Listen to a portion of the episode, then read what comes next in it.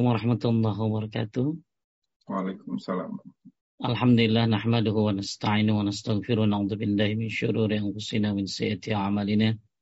May yahdihillahu fala mudilla lahu wa may yudlil fala hadiya lahu. Asyhadu an la ilaha illallah wahdahu la syarika lahu wa asyhadu anna Muhammadan 'abduhu wa rasuluh. Allahumma salli ala Muhammad wa ala ali Muhammad kama sallaita ala Ibrahim wa ala ali Ibrahim innaka Hamidum Majid. Allahumma barik ala Muhammad wa ala ali Muhammad كما باركت على إبراهيم وعلى آل إبراهيم إنك حميد مجيد أما بعد فإن أصدق الحديث كتاب الله وخير الهدي هدي محمد صلى الله عليه وسلم وشر الأمور محدثاتها وكل محدثة بدعة وكل بدعة ضلالة وكل ضلالة في النار Alhamdulillah Bapak Ibu sekalian yang Allah di Bintaro di tempat saya lagi hujan mulai rintik-rintik uh, dan mudah-mudahan semuanya malam ini kalau di Jakarta, di Indonesia dan mungkin siang hari di London semuanya Allah berikan keberkahan umur, harta dan keturunannya. Bapak Ibu sekalian ya Allah, kita lanjutkan kajian Mas ya, syarah kitab Tauhid.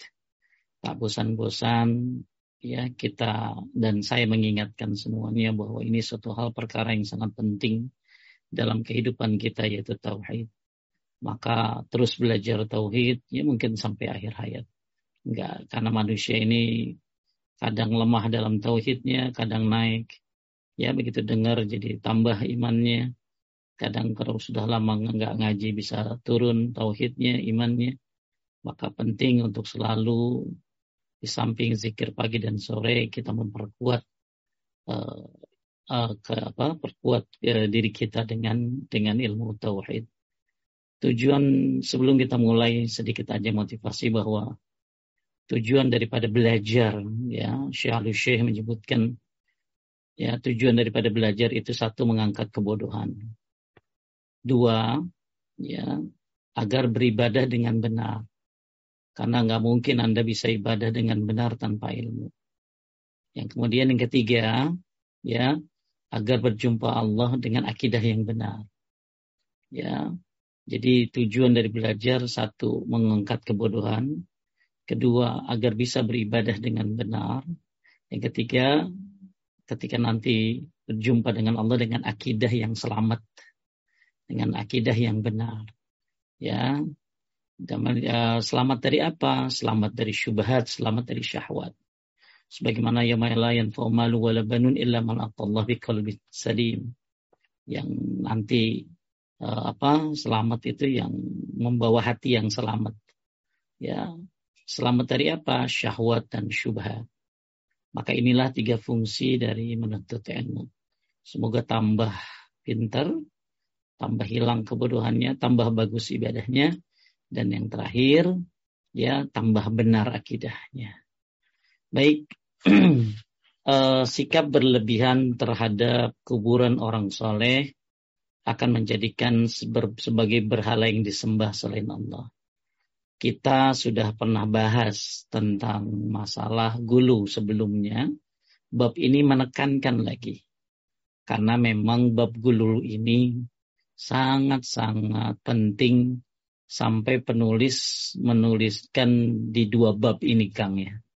Ya, karena nggak bisa dianggap remeh masalah ini nggak cukup satu pembahasan. Tapi sampai dua bab penulis me, mem, apa, me, memberikan dalil-dalil tentang bahayanya gulu.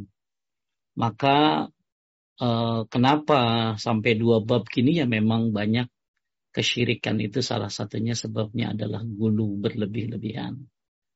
Nah uh, saya sudah saya sedikit review pelajaran kemarin bahwa orang gulu ini melanggar larangan Allah Subhanahu wa taala. Itu yang pertama. Kemudian yang kedua, orang gulu telah membinasakan umat-umat terdahulu. Jadi kenapa bab ini dibahas lagi di bab 20 sudah 21 ditekankan lagi dengan gulu karena gululah yang membinasakan umat-umat terdahulu. Ya, Uh, sebagaimana dalam sabda Rasulullah sallallahu alaihi wasallam fa inna ma halaka man kana bil ghulu fid din. Sungguhnya orang sebelum kalian itu binasa karena gulu dalam agama. Jadi gulu yang pertama menyebabkan seseorang uh, melanggar larangan Allah Subhanahu wa taala. Ya sebagaimana surat An-Nisa ayat 171 yang kedua gulu telah membinasakan umat terdahulu. Yang ketiga gulu merupakan jembatan menuju kekufuran dan kesyirikan kepada Allah Subhanahu wa taala. Inilah jembatannya. Jembatan kekufuran jembatan kesyirikan kepada Allah adalah gulu, sikap berlebih-lebihan kepada orang soleh. Kemudian yang keempat, gulu merupakan asas tunggal kesyirikan orang-orang musyrik jahiliyah serta kekufuran orang-orang Yahudi, Nasrani, berikut kesesatan kelompok-kelompok yang ada di tengah kaum muslimin. Ini yang keempat nih. Ya, jadi pokok utama kesyirikan di zaman jahiliyah ya di orang Yahudi, Nasrani dan uh, aliran-aliran uh, sat ya itu kebanyakan adalah karena gulu. Yang kelima, gulu mengangkat orang yang dikultuskan mencapai martabat yang sangat tinggi atau menghinakan martabat yang sangat rendah. Jadi kita kan sudah belajar gulu. Itu ada yang gulu Uh, jadi ada ahlul haq, ada ahlul jafa, ada ahlul, ahlul gulu. Maka hati-hati uh, terhadap gulu karena orang yang dikultuskan ini bisa meng, bisa derajatnya hampir sama kayak kayak Allah. Ya, bahkan bisa rendah dengan serendah-rendahnya. Kemudian yang keenam, gulu mengantarkan kepada penyembahan kepada yang dipuja-pujinya. Yang ketujuh, gulu akan menghalangi seorang untuk mengagungkan Allah Subhanahu wa taala. Dia lebih senang mendekatkan diri kepada kuburan orang-orang soleh daripada baca Quran, daripada berzikir kepada Allah Subhanahu wa taala. Kedelapan, terakhir, gulu akan menimbulkan keangkuhan dan kesombongan orang yang dikultuskan. Orang yang dikultuskan ini bisa jadi angkuh, bisa jadi sombong. Karena gulunya murid-muridnya. Makanya uh, betapa bahayanya gulu ini ya maka wajib bagi setiap muslim untuk meninggalkannya dan pada hari ini kita membahas skala bab kelanjutan dari bab 20 yaitu bab 21 yang masih ada hubungannya dengan bab 20. Saya akan share screen. Imam Malik ya meriwayatkan dalam Al-Muwatta' bahwa Rasulullah sallallahu alaihi wasallam bersabda, "Allahumma la taj'al qabri wasanan yu'bad." Uh, ishtadda ghadabullah ala qaumin ittakhadhu qubur anbiya'ihim masajid. Boleh artinya kan? Ya Allah, janganlah engkau jadikan kuburanku sebagai berhala yang disembah. Allah Ta'ala sangat murka kepada orang-orang yang menjadikan kuburan nabi-nabi mereka sebagai tempat ibadah. Taib. Jadi sebab kemurkaan Allah itu banyak ya. Sebab uh, orang nggak bayar zakat ya. Maka kalau bukan karena binatang ternak Allah tidak turunkan hujan. Ya laulal bahaim lam yamtiru ya Allah murka kepada orang-orang yang berbuat uh, kedurhakaan. Dah kedurhakaan yang paling dimurkai oleh Allah adalah ketika menjadikan ittakhadhu kubur anbiya'ihim masajid menjadikan kuburan para nabinya sebagai tempat ibadah.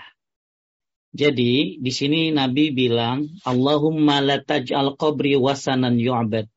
Janganlah kau jadikan kuburanku sebagai berhala disembah. Jadi berhala itu ada yang pakai kalimat wasanan, ya, ada juga yang pakai kalimat sonam, ya, atau jamaknya asnam, atau yang wasan jamaknya ausan. Nah, cuma ada bedanya antara uh, wasan dengan sonam. Kalau di sini Kang pakainya apa? Wasan, bukan sonam. Ya, jadi kalau sonam itu patung beneran kan. Ya, berhala itu sonam. Tapi kalau wasen ini bisa macam-macam kan. bisa kuburan, bisa pohonan yang disembah, bisa apa lagi ya, jin yang disembah, bisa sungai, bisa gunung. Ya, jadi ada dua uh, dua berhala, berhala secara khusus yaitu sonam dan berhala secara global yaitu yang masuk di antaranya kuburan. Nah, setahu saya mungkin sekarang ya Kang ya, sekarang jarang ada orang yang nyembah berhala. Ya, walaupun saya lihat di internet ternyata uh, uh, apa masih ada yang nyembah berhala. Ya di sebuah entah di daerah mana ya tapi yang pasti setahu saya bukan di Indonesia ya. Tapi yang saya tahu uh, mereka menyembah berhala tapi kebanyakan sekarang penyembahan ini ya kepada wasan ya wasan ini lebih global lebih luas daripada sekadar berhala seperti tadi ya kuburan pohon ya laut ya jin dan lain-lain. Dan Nabi Shallallahu Alaihi Wasallam nggak mau la taj'al qabri wasanan yu'bad. Jangan kau jadikan kuburanku sebagai berhala yang disembah. Jadi nggak mau kuburannya dijadikan berhala yang disembah. Nah ini kan Nabi itu memberikan warning kepada para sahabatnya agar jangan kayak orang-orang Yahudi dan Nasrani yang menjadikan kuburan para nabinya sebagai masjid. Makanya dalam sebuah riwayat disebutkan la'anallah al-yahud wan nasar ittakhazu anbiya'ihim masajid. Allah melaknat Yahudi dan Nasrani yang menjadikan kuburan nabinya sebagai masjid. Makanya banyak Kang kuburan-kuburan nabi itu jadi masjid. Dan mungkin ya saya pernah ke kuburannya Nabi Musa ya. Itu ya jadiin masjid Kang ya saya pernah ke kuburannya ya Nabi Ibrahim ya yang ada di Palestina itu sudah kayak masjid gitu loh. Dan bahkan eh, banyak sekali eh, masjid-masjid itu yang ada kuburannya. Nah, oleh karena itu kemarin sudah kita bahas ya tentang bagaimana status rumah Nabi Shallallahu Alaihi Wasallam Ya, lebih lengkapnya silakan lihat di rumahisa.com bantahan terhadap orang yang mengatakan uh, Nabi dikubur di masjid. Ya, padahal Nabi dikubur di rumahnya. Jadi kembali lagi, Nabi SAW memberikan pesan yang luar biasa kepada orang-orang ahli tauhid, yaitu para sahabat yang kokoh sekali ya. Para sahabat itu luar biasa, jangankan ibadahnya ya, Jangankan puasanya, sholatnya ya, tauhidnya tuh mantap banget. Tapi ternyata Nabi Shallallahu Alaihi Wasallam masih memberikan warning kepada mereka para sahabat agar jangan jangan sampai kuburannya menjadi menjadi berhala yang disembah. Jadi memang kesyirikan ini harus ditakuti gitu loh. Ya, kita harus lari dari syirik ini sebagaimana lari dari hal yang sangat membahayakan. Jangan deket-deketin. Makanya para sahabat saja yang imannya begitu kuat masih diberikan apa warning gimana dengan kita yang tentunya jauh dari keimanannya para sahabat Nabi radhiyallahu anhum. Maka kita harus lebih takut lagi terhadap kesyirikan. Kemudian di sini selanjutnya Nabi mengatakan ya ishtadda ghadabullah ala qaumin ittakhadhu qubur anbiya'ihim masajid ya Allah sangat murka kepada orang yang menjadikan kuburan nabi mereka sebagai tempat ibadah.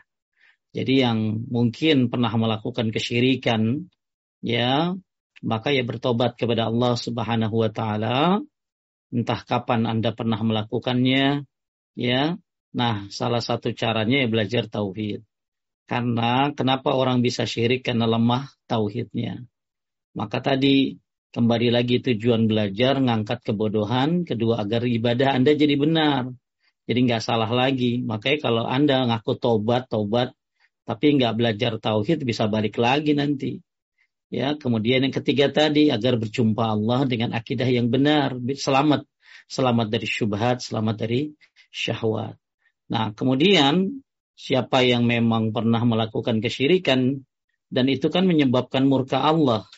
Apalagi mereka yang mungkin pernah melakukan uh, kesyirikan-kesyirikan yang bersifat besar, ya menyembah kuburan, meminta kepada orang yang mati, maka itu kan menyebabkan murka Allah. Maka di samping tobat, belajar tauhid, ya berteman dengan orang-orang soleh, sedekah kang diam-diam.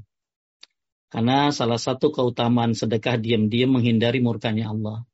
Ya, sedekatus sir tutfi ugadabar rabbi. Kita kan suka banyak dosa ya.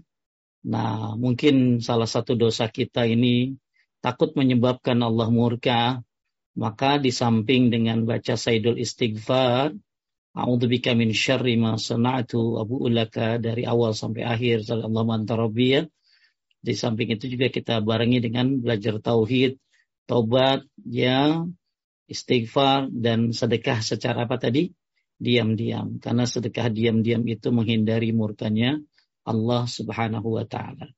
Inilah uh, hadis yang pertama yang diriwayatkan dalam kitab Al-Muwatta pentingnya uh, apa pentingnya kita menjaga menjaga tauhid padahal para sahabat saja yang sudah tauhidnya kuat masih ditakutkan tentunya apalagi kita. Kemudian tadi jangan lupa ada sonam, ada apa tadi? Wasen. Kalau sonam itu ya berhala, kalau wasen itu non berhala. Ya maksudnya selain daripada patung, bisa kuburan dan lain-lain. Kita lihat syarahnya, lanjutkan Rasulullah Rasulullah Shallallahu Alaihi Wasallam khawatirkan terjadinya sikap gulu pada umatnya terhadap kubur diri beliau. Jadi gini ya sebentar kan.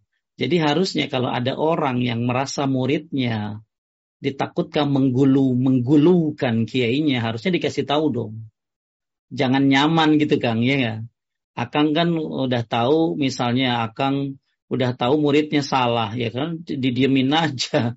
Jangan enjoy kan tadi saya bilang Salah satu sebab gulu membuat yang dipuja, dipujinya itu jadi angkuh, jadi sombong, bahkan membiarkan. Membiarkan kesalahan muridnya. Jadi kalau udah tahu muridnya salah, ya dikasih tahu dong. Ya, Nah Nabi khawatir sikap gulu ini terjadi pada kuburan beliau. Ya makanya kita juga harus punya warning sama anak-anak kita. Nanti kalau mati hati-hati ya, jangan kalau anak jaga tauhidnya kalian gitu loh. Ya, karena memang yang kita takutkan setelah kita mati adalah berubahnya agama mereka. Nauzubillah. Ya, makanya uh, disebutkan mata'buduna min ba'di. Apa yang kalian sembah setelah aku mati? Ini bagus kita kalau udah mau mati, ya udah sakit-sakitan pesen nama anak-anak. Ya jangan syirik ya nak ya. Jaga tauhidnya. Jaga sholat lima waktu nak. Dan kenapa? Khawatir kita nggak bisa ketemu di surga ya kalau nggak ketemu di nggak ketemu di surga ini kan masalah nanti. Ya kita kasihan banget di dunia anak-anak kita jaga ternyata begitu kita mati mereka menyimpang. Maka tugas kita mengajarkan mereka dengan baik dan benar tentang masalah tauhid. Kemudian kita wasiatkan juga sebagaimana Nabi Shallallahu Alaihi Wasallam khawatir ya kalau uh, kalau umatnya akan menjadikan kuburannya sebagai sesembahan, maka khawatiran yang wajar. Ya makanya kalau misalnya udah muridnya takutnya salah ya dikasih tahu. Nah bukan malah enjoy. Nah Nabi ngasih tahu. Nah kita juga boleh ngasih tahu anak-anak supaya nanti tauhidnya yang bagus. Lanjut sebagaimana? Sebagaimana yang telah terjadi kepada kaum kepada orang-orang Yahudi dan Nasrani yang telah, telah bersikap gulut terhadap kubur para nabi mereka sampai mereka menjadikan kubur-kubur tersebut sebagai berhala. Maka Nabi Shallallahu Alaihi Wasallam pun menginginkan agar Allah Subhanahu Wa Taala tidak menjadikan kuburannya sebagai berhala. Masya Allah, ya Nabi itu benar-benar care banget sama kita. Ya begitu mau meninggal yang dipikirin cuman akidah umatnya. Ya sedangkan kita ketika ya, kita jarang mikirin beliau, maka supaya cara mikirin supaya kita membalas jasa Nabi Sallallahu Alaihi Wasallam ya dengan apa? Dengan menjalankan sunnah-sunnahnya secara benar sesuai syariat. Nabi itu peduli banget sampai mau mati aja bilangnya apa Nabi mau meninggal ummati ummati ya umatku umatku dalam riwayat lain as-salah as-salah Nabi ngingetin umatnya tentang masalah salat salat ya luar biasa. Nabi itu care-nya sama sama umatnya. Maka kita juga harus care terhadap Nabi dengan cara menjalankan sunnah-sunnahnya. Kita hidupkan sunnah-sunnahnya, bukan malah kita hidupin yang bukan sunnah. Kemudian?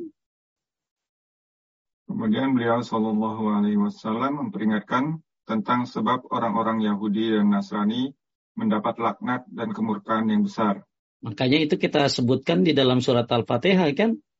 Ihdinas suratal mustaqim suratal ladina an'amta alaihim ghairil maghdubi alaihim waladhdallin.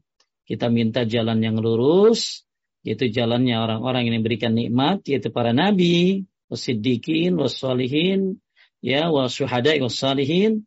Kita minta jalan yang lurus seperti para nabi, para orang-orang yang jujur eh, imannya, para syuhada dan pada orang-orang soleh. Goiril magdubi alaihim dan bukan ya bukan kepada bukan orang-orang yang engkau magdub. Magdub ini orang yang kau murkai. Siapa ya? Yahudi.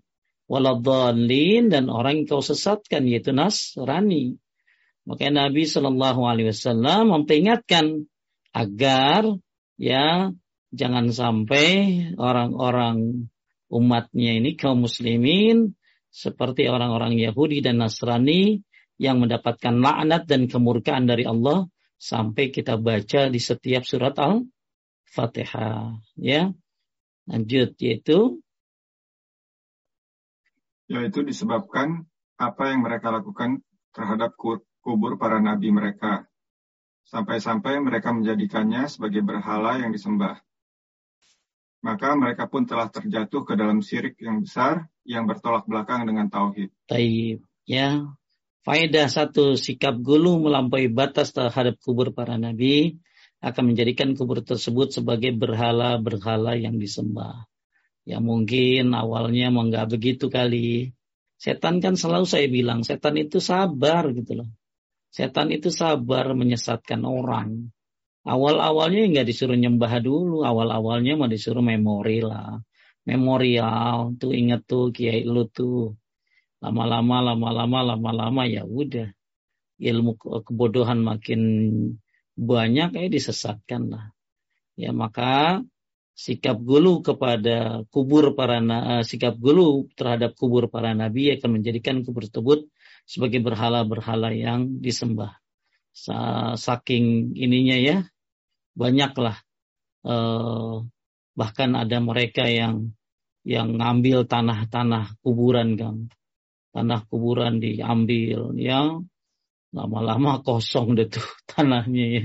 Ya diambilin mulu ya. Jadi di jadi takutnya kelihatan mayatnya nanti ya segitunya mereka terhadap kuburan orang-orang soleh termasuk kuburan para nabi maka alhamdulillah alhamdulillahilladzi bi ni'matihi tatimmus salihat kuburan nabi berada di Madinah dijaga ya dijaga supaya tidak ada orang-orang yang gulu terhadap beliau.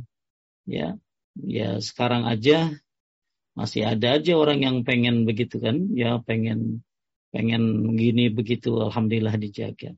Kedua, termasuk sikap gulu terhadap kuburan adalah menjadikannya sebagai masjid. Sebab itu bisa mengantarkan pada kesyirikan.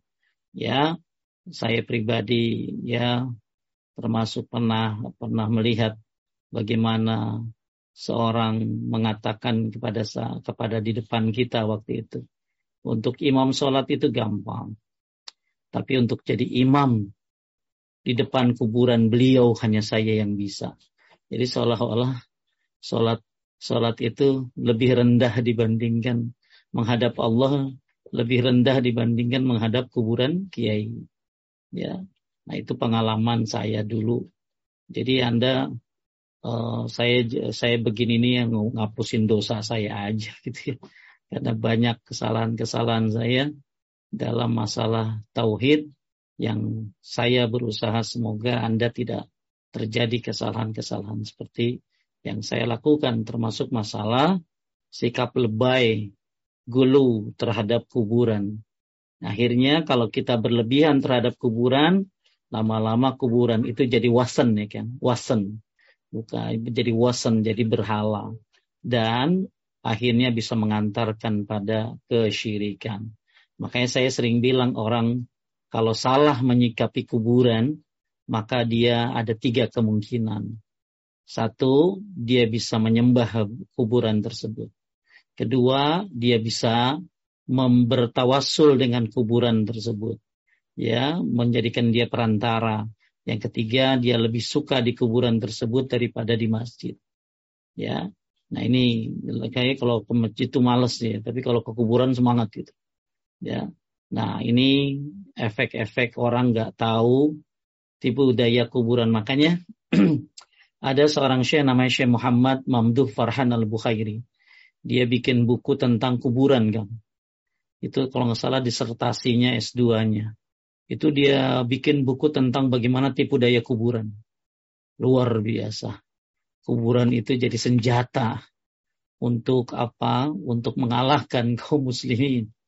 Kuburan itu dijadikan senjata oleh orang-orang untuk menghancurkan perekonomian sampai begitu kan. Ya, jadi gini misalnya, ada sebuah pasar yang rame. Ya, kemudian ada pasar baru. Tentu nggak gampang dong kan hidupinnya. Pasar baru itu karena orang udah biasa ke pasar yang yang udah biasa. Apalagi pasar yang baru itu agak jauh ke pelosok kan. Maka cara menghidupkan gampang kan. Bikin kuburan palsu. Ya, bikin kuburan palsu, dihias-hias, dibagusin, sebarkan mitos. Ya, siapa yang datang ke situ berkah, dagangan yang laris dan lain sebagainya. Pindah kan?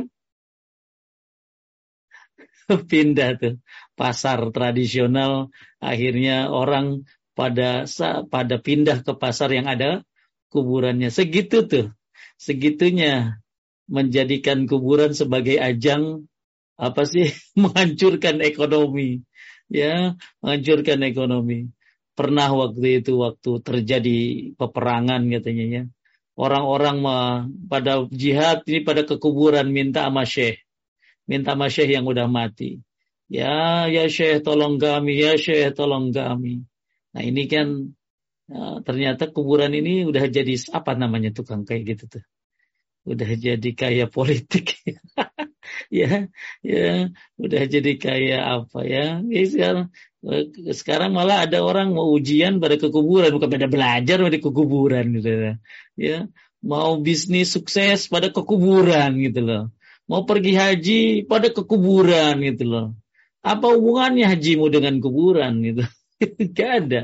Mau kawin ya mau ke kuburan. Jadi minta ridho sama kuburan.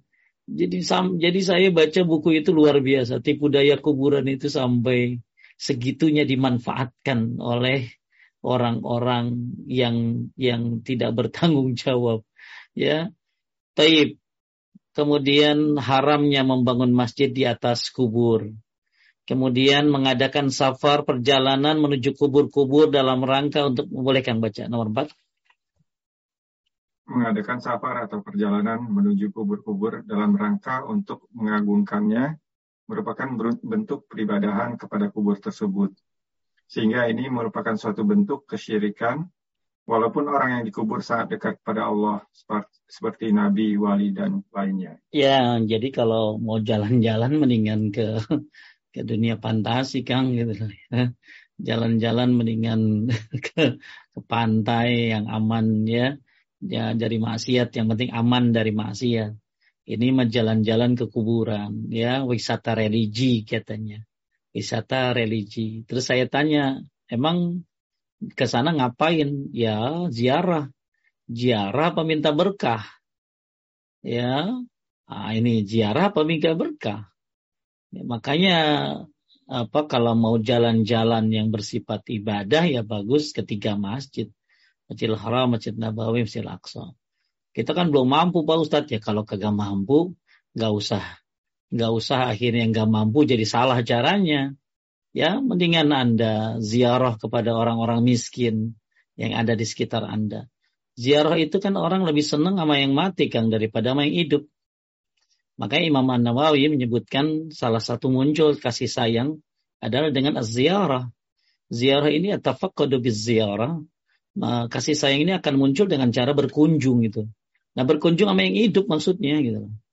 Lebih baik berkunjung kepada fakir miskin daripada uh, dia apa pergi ke kuburan-kuburan dalam rangka mengagungkan.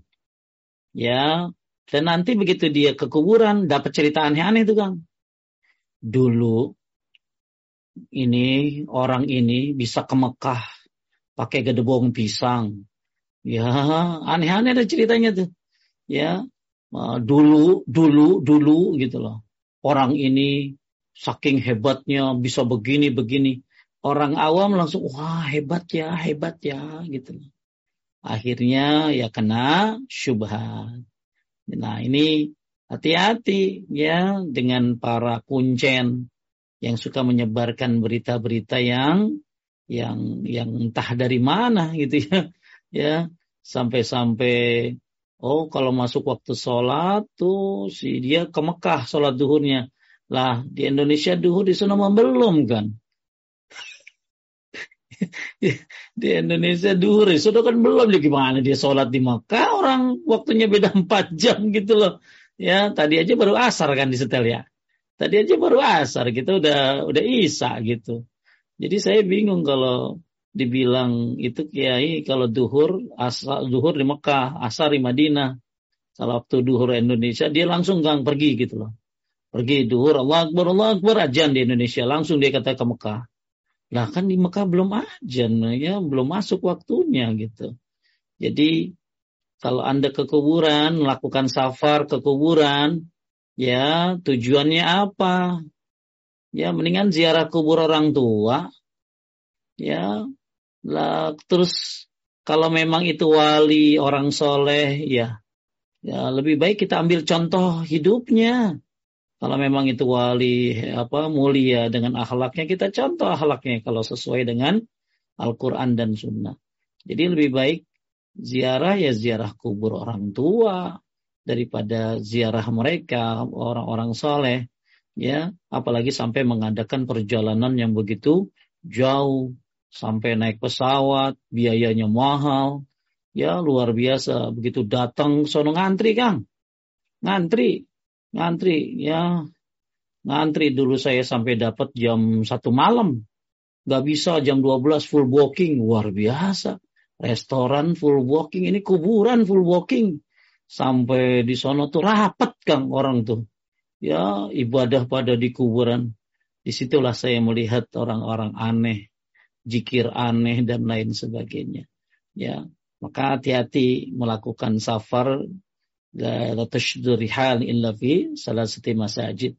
Jangan melakukan perjalanan yang bersifat ibadah kecuali ketika masjid, Masjidil Haram, Masjid Nabawi, Masjidil Aqsa.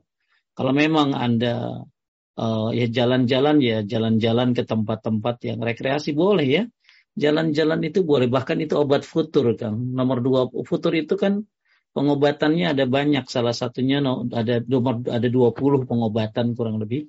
Salah satunya ya jalan-jalan rekreasi bersama keluarga. Itu kan ngilangin kepenatan ya. Nah itu boleh.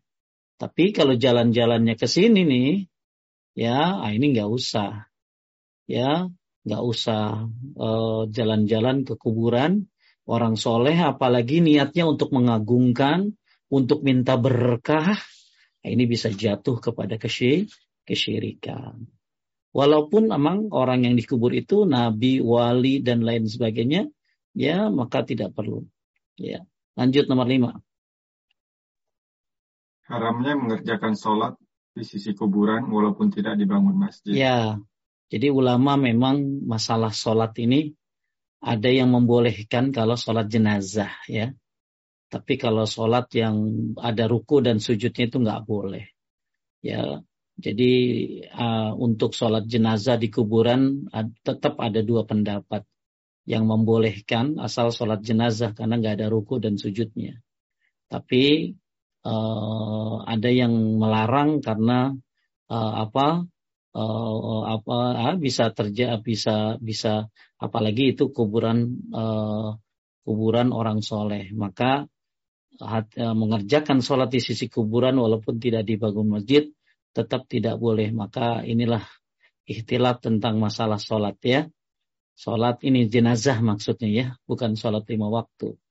Tapi uh, saya pribadi ya dulu ya pernah ya, ya sholat sholat ya di depan kuburan gitu ya, depan kuburan.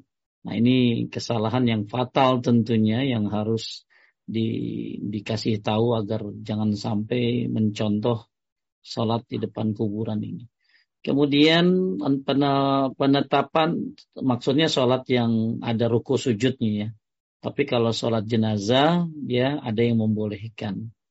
Wallahu alam. Kemudian sifat godop marah bagi Allah yang sesuai dengan keagungannya ya. Ya uh, apa Allah kan punya ada, ada apa syadidul iqab ya sangat keras hukumannya. Jadi Allah punya sifat godop, marah, murka. Nah itu sesuai dengan keagungannya. Kita nggak nggak bisa nggak boleh menyamakan dengan makhluk. Itu diserahkan kepada sesuai dengan keagungannya. Tapi salah satu cara agar kita seperti saya mungkin yang pernah salah ya, ya maka ya bertobat, jangan ulangi lagi, belajar tauhid, berteman dengan orang-orang soleh, ya maka selanjutnya sedekah dengan cara apa tadi kang? Sedekah dengan sir ya, sedekah diam-diam itu termasuk bisa menghindari murkanya Allah Subhanahu wa taala. Kemudian kita masuk kepada hadis yang selanjutnya ya oleh Ibnu Jarir bisanadin an Sufyan an Mansur an Mujahid afaraitumul lata wal uzza qala kana ya yaluttu lahum sawiq famata fa'aqafu ala qabrihi wa kadza qala Abu Jauza an Ibn Abbas kana yaluttu sawiq lil haj ini dia. Uh, orang jadi orang baik itu boleh ya bagus ya. Cuma salah pandang orang terhadap orang baik ini akhirnya orang baik ini ya jadi disembah padahal orang baik ini ya bagus. Ya kayak Lata ini. Kita mau cerita tentang Lata. Siapa itu Lata? Pada riwayat boleh kan? Pada riwayat Ibnu Jarir dengan syaratnya dari Sufyan dari Mansur dari Mujahid mengenai ayat apakah patut kamu orang-orang musyrik menganggap berhala berhala Al-Lata dan Al-Uzza? Yaitu yang pada Quran surat An-Najm ayat 19 Beliau Mujahid mengatakan, Al-Lata adalah orang yang dahulunya mengadukkan tepung dengan air atau minyak untuk para jemaah haji. Hmm. Setelah ia meninggal, mereka pun senantiasa mendatangi kuburannya. Demikian pula dikatakan oleh Abu Jauza dari Ibnu Abbas. Dia itu pada mulanya adalah orang yang mengadukan tepung untuk para jemaah haji. Jadi Lata ini baik ya. Lata ini baik. Dia itu suka suka bawain tepung buat jamaah haji ya. Maksudnya gandum kali ya Kang ya. Dengan air atau minyak ya mengaduk tepung ya jadi makanan buat jamaah haji lah gitu. Makanya kan eh, kebiasaan ngasih makan ini kan bagus. Dan itu memang salah satu kebiasaan orang-orang Arab. Itu memang ngasih makan Kang. Ya ngasih makan. Makanya uh, kalau Anda tiba-tiba ngaji ya, pernah suatu ketika saya ngaji, uh, saya dengerin Ustadz Firanda waktu masih di Madinah dia ya. Terus akhirnya beliau dibisikin oleh seorang syekh untuk mengajak beberapa jamaah Indonesia yang makan di kediaman uh, apa orang yang membisikkan tadi ya. Jadi uh, memang kebiasaan dan bagus ya. Bahkan dulu ada orang namanya Abu Jada'an kalau nggak salah. Dia itu kafir tapi suka tapi dia suka banget ngasih makanan gitu loh. Ya, jadi memang ngasih makanan ini bagus, tradisi bagus dalam arti kata uh, yang dihidupkan. Makanya Syekh Albani sendiri mengkritik kebiasaan ngasih makan ini kenapa momentum gitu loh. Kan orang ngasih makan tuh sekarang momentum kawinan, betul? Ada kawinan, nah itu ngasih makan gitu ya. Ya, jadi harusnya kebiasaan ngasih makan ini sudah harus uh, adalah sebuah kebiasaan yang bagus gitu loh. Bahkan uh, apa dalam tafsir Ibnu Katsir pembahasan di surat Al-Mutaffifin tentang rahikil makhtum. Rahikil makhtum adalah arak di surga ya. Arak yang halal di surga. Ya, innal abrar lafi na'im 'alal araiki nanzurun ta'rifu fi wujuhim nadratan na'im. Min rahikim makhtum hitamuhu misk wa fi dzalika falyatanafasil mutanafisun orang-orang abror, orang-orang abror itu orang-orang yang melakukan kebaikan, ya mereka ini uh, apa berada di dalam surga, dari wajahnya kelihatan ya apa sih bahagianya dan mereka itu nanti dapat rahikim maktum. Siapa rahikim maktum maka disebutkan Ibnu Katsir menyebutkan suatu riwayat dalam menafsirkan ayat ini bahwa siapa yang suka memberikan apa sih memberikan makan uh, makanan di, di makanan maka dia akan apa mendapatkan buah di surga. Nah, ini di depan saya ada ada surat Al-Mutaffifin disebutkan sebentar hadisnya. berapa ya?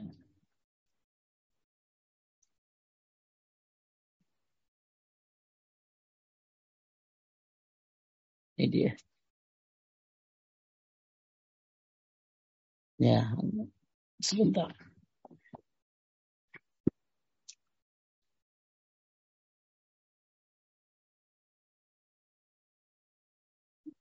Baik. Uh, Imam Ahmad meriwayatkan dari Abu Sa'id al-Khudri radhiyallahu an uh, bahwa Abu Sa'id uh, memarfukan hadis ini kepada Nabi sallallahu alaihi wasallam dan Nabi SAW bersabda ayyuma mu'minin saqa mu'minan syarbata ma'in ala dhama'in saqallahu saqahu Allah taala yaumal qiyamah min ar-rahiqil maktum uh, mukmin mana yang memberi apa minuman uh, kepada saudaranya mukmin yang apa uh, kehausan. Ya maka Allah uh, akan memberikan minum pada hari kiamat dengan ar-rahiqil maktum. Jadi siapa yang suka bagi-bagi minuman ya kepada orang yang kehausan, maka dia dapat minuman namanya di surga namanya rohikim mahtum. Apa ini rohikim mahtum ini homer, homer yang murni masih dilak, masih disegel, ya.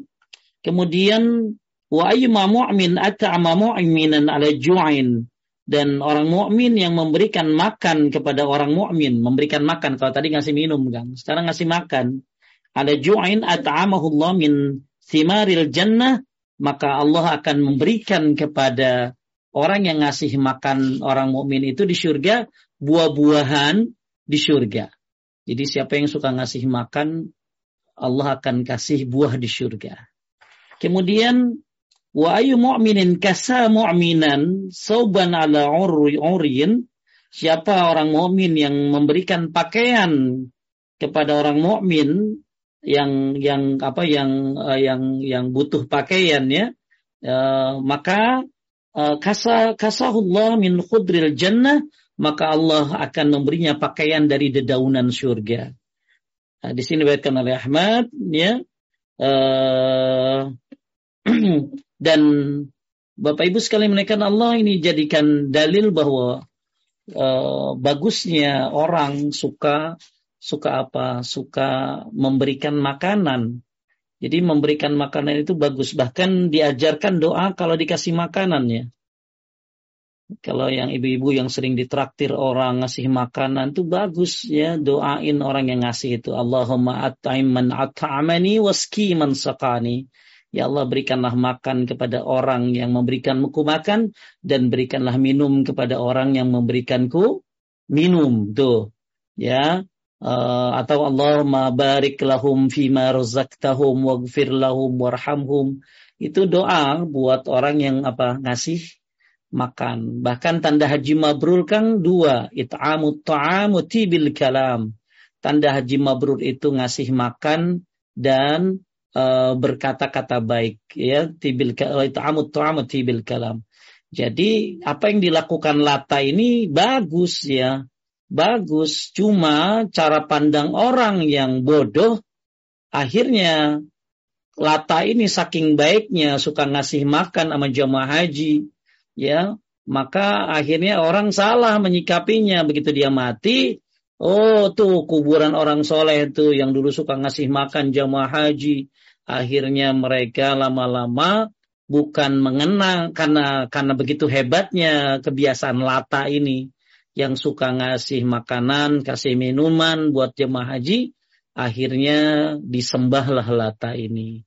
Nah, penyembahannya gara-gara apa? Ya, gara-garanya kebodohan dulu tentunya. Kemudian yang kedua, ya bisikan setan. Karena setan itu men, men, men, apa, menggoda manusia. Nomor satu itu ya syirik dulu. Bahkan katanya kalau dia udah syirik, nggak digoda lagi, Kang. Karena dia udah masuk pada level yang paling tinggi gitu loh. Jadi orang kalau udah syirik nggak digoda lagi. Maksudnya udah nggak digoda dosa-dosa yang lainnya karena udah masuk dosa yang paling besar. Ya, jadi kalau orang udah syirik berarti udah dosa yang paling hebat itu. Maka setan udah paling sukses itu. Baru kalau dia nggak bisa syirik digoda bid'ah.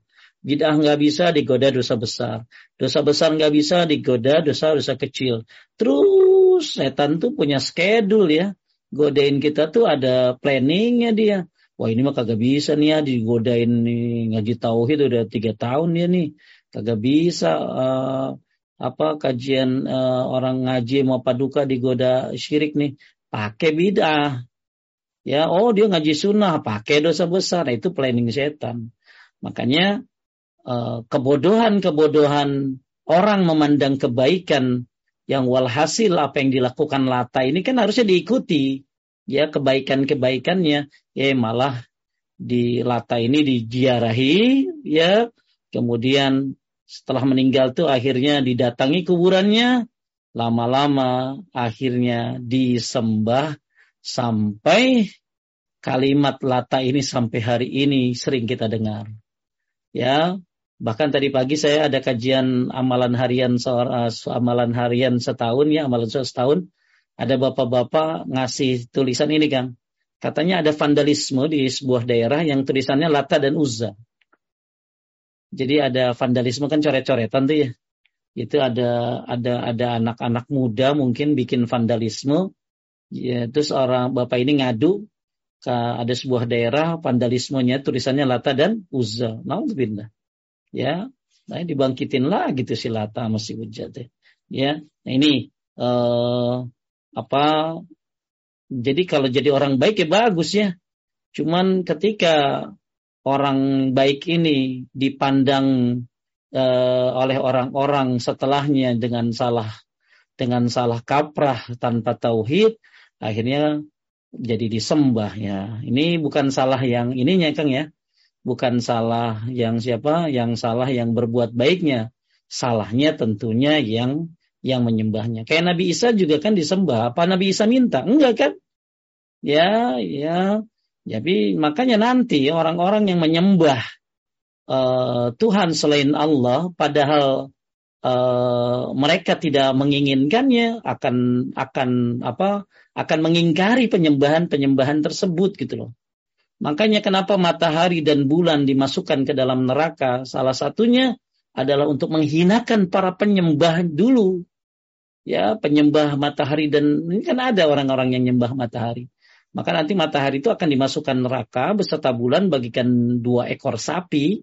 Ya, nah jadi segitu gedenya neraka, matahari dan bulan udah kayak pada dua kayak dua ekor sapi saja. Salah satunya adalah untuk mempermalukan orang-orang yang menyembah mereka. Maka siapa yang menyembah selain Allah, maka orang yang disembahnya ini, ya, dan dia tidak mau menyembahnya, ya tidak mau disembah dia akan mau apa membantah segala penyembahan-penyembahan yang dilakukan oleh pengikut pengikutnya. Faidah lanjutkan, Faidah. Faidah yang pertama, peringatan dari sikap gulu atau melampaui batas terhadap kubur orang-orang saleh. Dua. Yang kedua, orang-orang musyrikin pada zaman Nabi kita Shallallahu Alaihi Wasallam bersikap gulu terhadap Al-Lata karena dia dianggap sebagai orang yang saleh. Sampai akhirnya mereka itu menyembahnya dan kuburnya menjadi salah satu berhala orang-orang musyrik. Lama itu bertahannya. Lata itu sampai kita bahas juga ya sebagai pelajaran. Jadi sebenarnya tipuan setan ini sama-sama aja dari dulu ya Kang ya.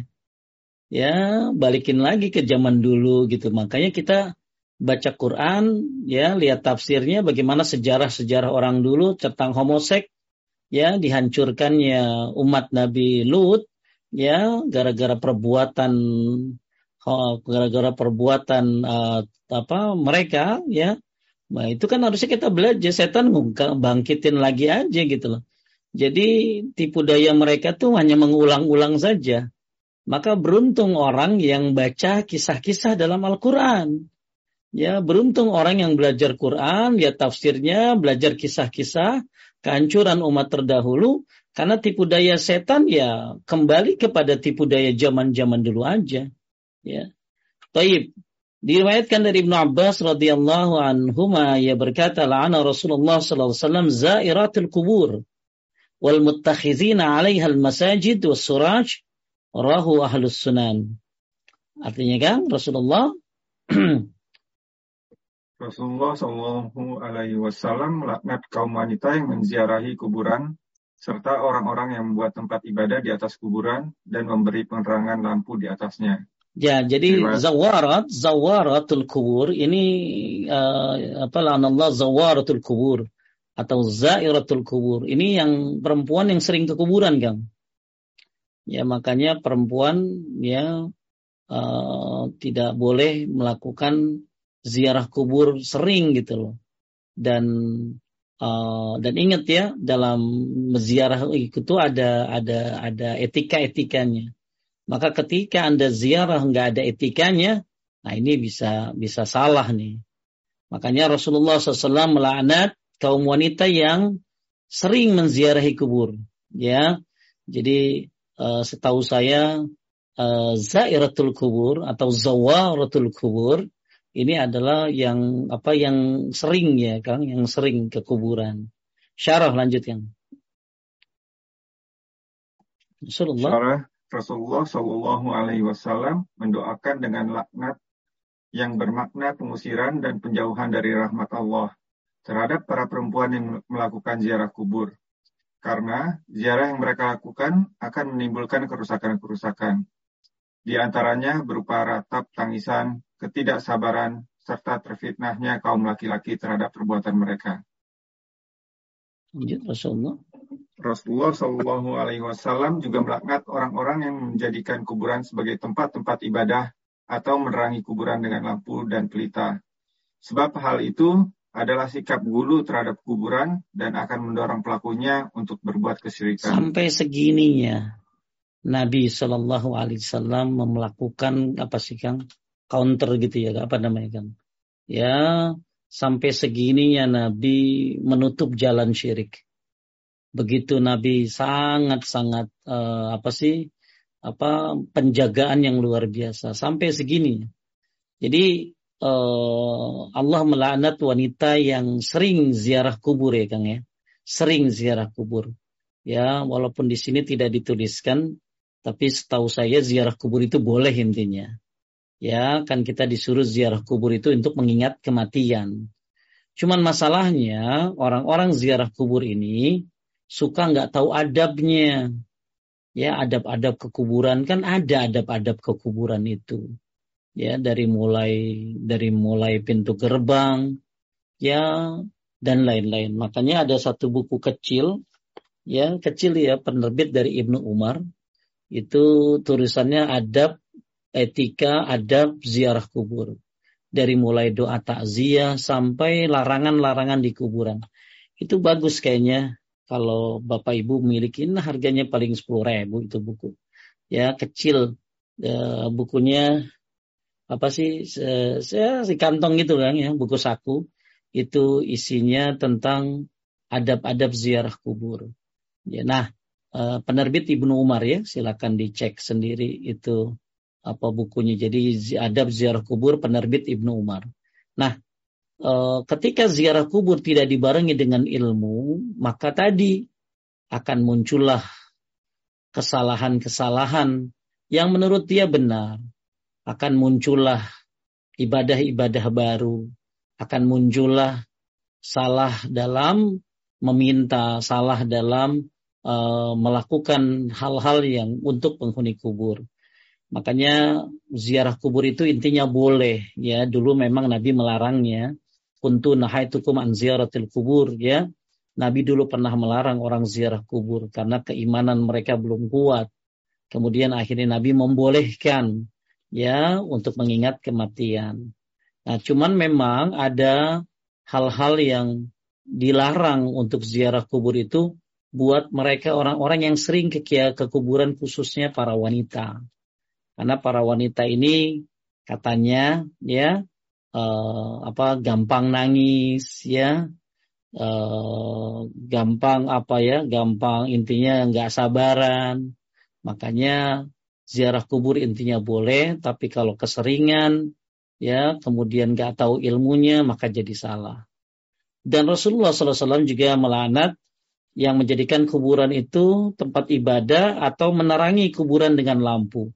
Makanya ya kuburan ya nggak usah pakai nggak usah kayak rumah anda gitu ya. Pakai lampu taman yang akhir ya pokoknya apa sih Kang? Pakai bel itu lebih lagi lebih parah lagi pakai bel gitu ya. Itu jarah kubur tingtong gitu ya. Ya nah ini nggak usah ya. Cukup kuburan itu uh, tanah kemudian batu ya.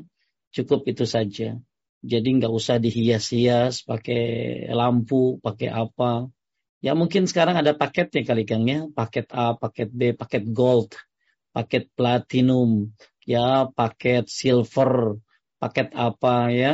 Ya, nah itu harus hati-hati pemilihan paketnya.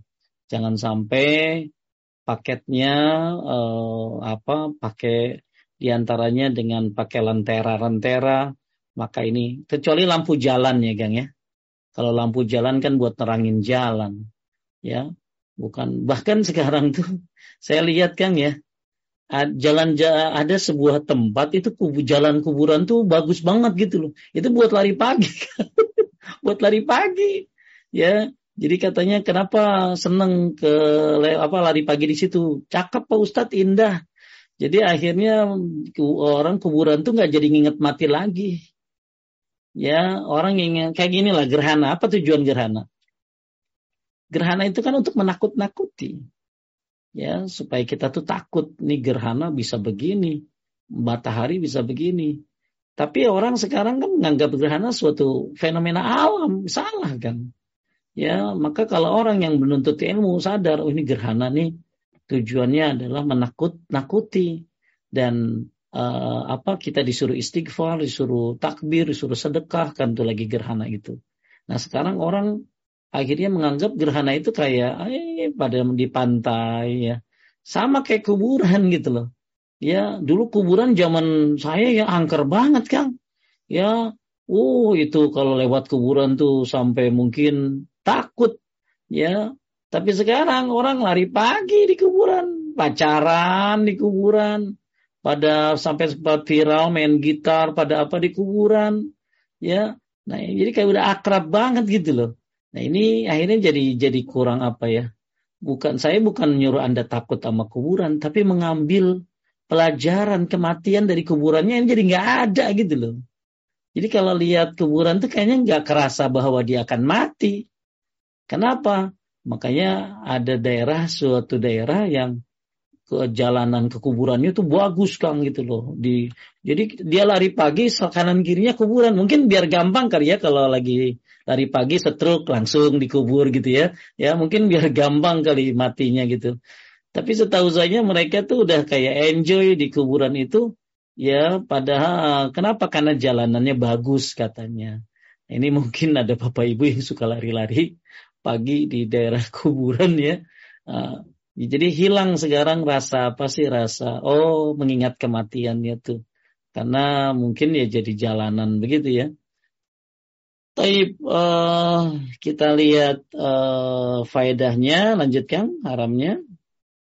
Faedah yang pertama, haramnya bersikap gulu atau melampaui batas terhadap kubur dengan menjadikannya sebagai tempat ibadah karena hal itu akan membawa kepada kesirikan. Taib, ya. Nah, kalau di bawah nih ya, di bawah di catatan kaki ini ada ini nih. La'ana Rasulullah SAW zawarat. Tadi kan saya bilang zawarat. Kalau di hadis ini kan di atas tuh zairatul kubur ya. Nah, ini zawarat. Nah di sini diartikan Rasulullah SAW melarang melaknat wanita-wanita yang sering-sering ziarah kubur. Nah benar nih.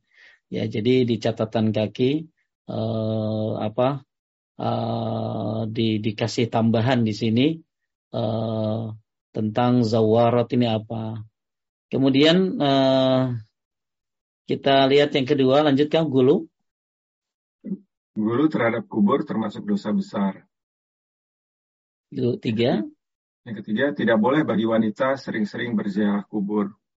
Adapun bila tidak sering atau tidak banyak tidak banyak melakukannya, maka tidak termasuk dalam larangan ini. Taib, nggak apa-apa ya Bu ya. Tapi muncul lagi katanya kalau lagi head nggak boleh ziarah kubur ya Ustaz. Ini apa hubungannya? Jarah kubur sama head. Terus nanti orang yang mati nanya gitu gitu. Ya jadi nggak ada masalah orang head ke kuburan ya. Banyak orang hamil katanya nggak boleh ke kuburan bosannya apa sih? Kayaknya uh, nah jadi gini. Terlalu remeh kuburan jadi salah.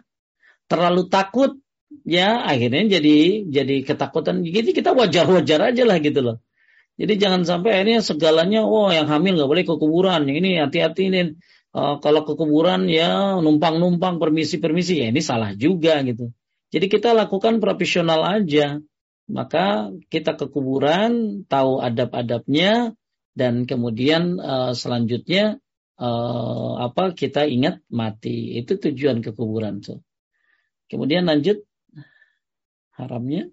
Yang keempat, haramnya menerangi kuburan karena hal itu merupakan sebab penyembahan kubur tersebut. Taib, lanjut. Berkaitan dengan penerangan lampu di, di dekat area pemakaman, kalau sangat diperlukan untuk menerangi jalan yang berdekatan dengan kuburan, maka hal itu diperbolehkan. Atau untuk menerangi pelaksanaan pemakaman mayat di waktu malam atau di saat gelap gulita. Boleh. Wallahu a'lam. Tuh ya. Jadi uh, apa? Uh, jalan pakainya boleh atau penguburan malam ya kan ya? Nguburin malam ya boleh itu nguburin malam pakai penerangan karena kan hanya sementara ya sementara saja. Taib Bapak Ibu sekalian dimuliakan Allah uh, ada apa ada ada beberapa tambahannya tentang uh, bolehkah wanita berziarah kubur tadi. Syekh Muhammad bin Salih al-Saimin rahimahullah mengatakan ada lima pendapat dalam masalah ini untuk wanita ke kuburan. Satu disunahkan seperti laki-laki. Pendapat yang kedua makruh perempuan ke kuburan. Pendapat ketiga mubah. Mubah itu berarti boleh. Pendapat keempat haram wanita ke kuburan.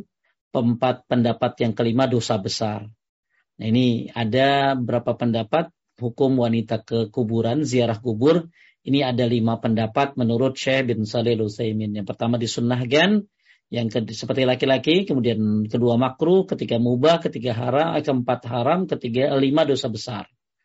Ya, ringkasnya pendapat yang paling kuat adalah diperbolehkan ya ziarah kubur asal tidak sering-sering asal tidak sering-sering jadi ada lima pendapat hukum wanita ziarah kubur intinya boleh tapi tidak sering-sering kenapa Ya tadi ya pertama hadis Nabi Shallallahu Alaihi Wasallam kuntu nahaitukum an ziyaratul kubur fazuruha.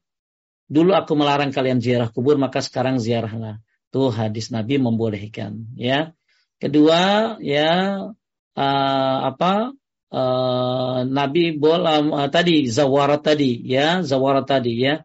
Jadi uh, boleh wanita ke kuburan ya uh, apa tapi nggak boleh apa tadi apa sering-sering ya uh, kemudian uh, apa ke keempat Nabi pernah ketika apa uh, Nabi pernah melihat uh, wanita yang sedang menangis di sisi kuburan ya waktu itu. Kemudian Nabi bilang apa? Ittaqillah wasbiri. Bertakwalah kepada Allah dan bersabarlah. Tapi wanita itu malah marah kan? Ya, malah marah dikit. Dia nggak tahu kalau yang bilang itu Nabi. Jadi intinya banyak dalil-dalil yang membolehkan wanita ke kuburan. Banyak ya dalil-dalilnya. Uh, apa apa, uh, tentang masalah wanita kuburan. Cuman uh, tadi ada lima, lima, lima hukumnya, tapi kesimpulannya boleh asal tidak sering-sering ya. Taib uh, Bapak Ibu sekalian yang dimuliakan oleh Allah Subhanahu wa taala dan perlu diketahui ya bahwa uh, apa yang kita bahas ini menekankan lagi tentang masalah gulu ya tentang bahwa gulu ini ya ada delapan efek kemungkarannya. Maka penulis uh, ber, apa, mengulangi kembali di bab 20 menjadi 20 bab 21 karena begitu pentingnya masalah ini karena banyak uh, orang salah jalan karena keguluannya. Tapi mungkin ada pertanyaan kan? Uh, ya ini udah ada masuk beberapa Ustaz. Izin saya share screen.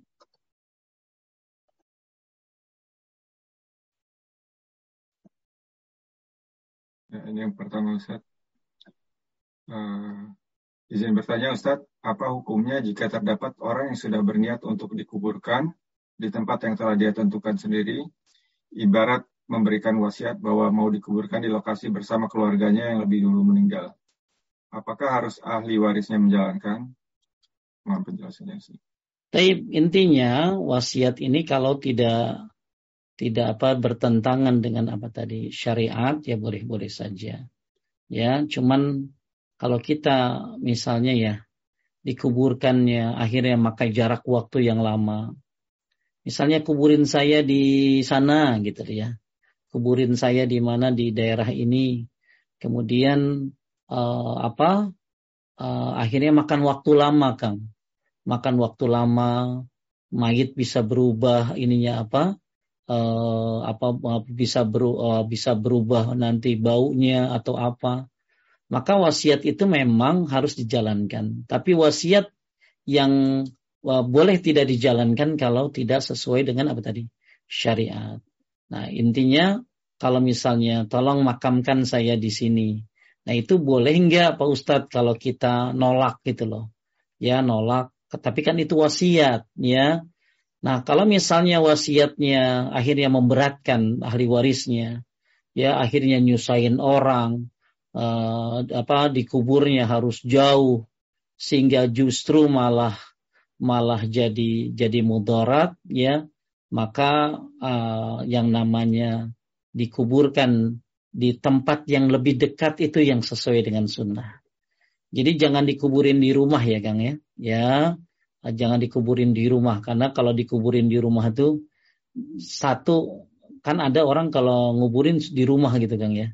Itu khusus buat nabi lah ya. Tapi kalau ada orang nguburin di rumah itu efeknya ini Kang. Satu bisa apa? Bisa, dia tidak dapat doa dari kaum muslimin. Ya kan kalau ke kuburan kan kaum muslimin pasti banyak doa kan kan. Misalnya saya ke kuburan tanah kusir ke kaum muslimin ya. Lalu saya bilang assalamualaikum ahli diyar kan berarti buat semuanya tuh Kang. Ya berarti dapat doa buat semuanya tuh yang orang-orang muslim. Tapi kalau di rumah ditaruh di kuburan di rumah ya kagak dapat kan gitu loh karena privasi privat kuburannya gitu loh. Kemudian nggak boleh juga di rumah karena uh, akan mengurangi nilai waris kali Kang ya. ya yang dapat warisan rumah ini waduh gua ada kuburannya gimana gitu ya. Nah ini maka lebih baik dikuburkan di tempat uh, kuburan yang terdekat. Ya seperti itu. Lanjut. Baik Ustaz, nah, ini kebetulan ada yang raise nih. Uh, Mbak Tati duluan kayaknya nih. Silahkan di unmute Mbak Tati.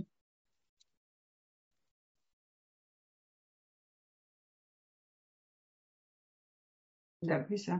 Oh, bisa. Assalamualaikum Ustaz Agus. Waalaikumsalam eh, Saya ingin tahu apa apa Agus akan bilang saya karena sampai detik ini di kampung saya itu orang-orang pergi ke Gunung Kawi. Gunung Kawi itu di Malang. Tahu. Di mana orang-orang minta katanya uh, toyol untuk kaya cepat.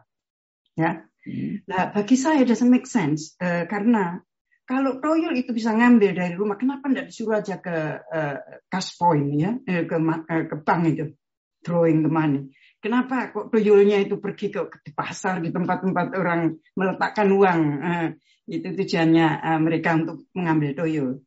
Dan kalau saya pikir zaman sekarang di London ini ada banyak orang yang mau kaya cepat seperti Bitcoin, investment, stock and share, terus money lender yang orang Yahudi kerjakan luar biasa kejamnya dengan bunga-bunga. Ini yang kita tidak khawatirkan. Kita fokus dengan kuburan dan orang minta orang orang minta kaya di situ. Padahal zaman sekarang ini anak-anak minta cepat kaya dengan cara yang begini dan itu ini pun haram. Uh, kebanyakan ulama mengatakan. Bagaimana kita mengatasi generasi yang sekarang? Kalau yang di kampung saya itu kan jelas-jelas tidak masuk akal bagi saya kalau toyul, kalau memberitahu anak-anak muda sekarang. Nah, toyul kan, kalau memang betul toyul itu ada, kan suruh aja ke cash point. Untuk apa harus pergi ke pasar-pasar toyulnya, cari uang yang di situ. Nah, Nah, ya anak muda-muda sekarang ini ya di Indonesia pun juga merajalela yang namanya investment-investment di uh, di uh, website itu di Facebook dan lain-lain itu saya perhatikan juga cukup uh, cukup ketagihan anak-anak muda karena mau kaya cepat gitu ya. Coba uh, Ustaz Agus uh, terangkan. Yang ditanya apa ya?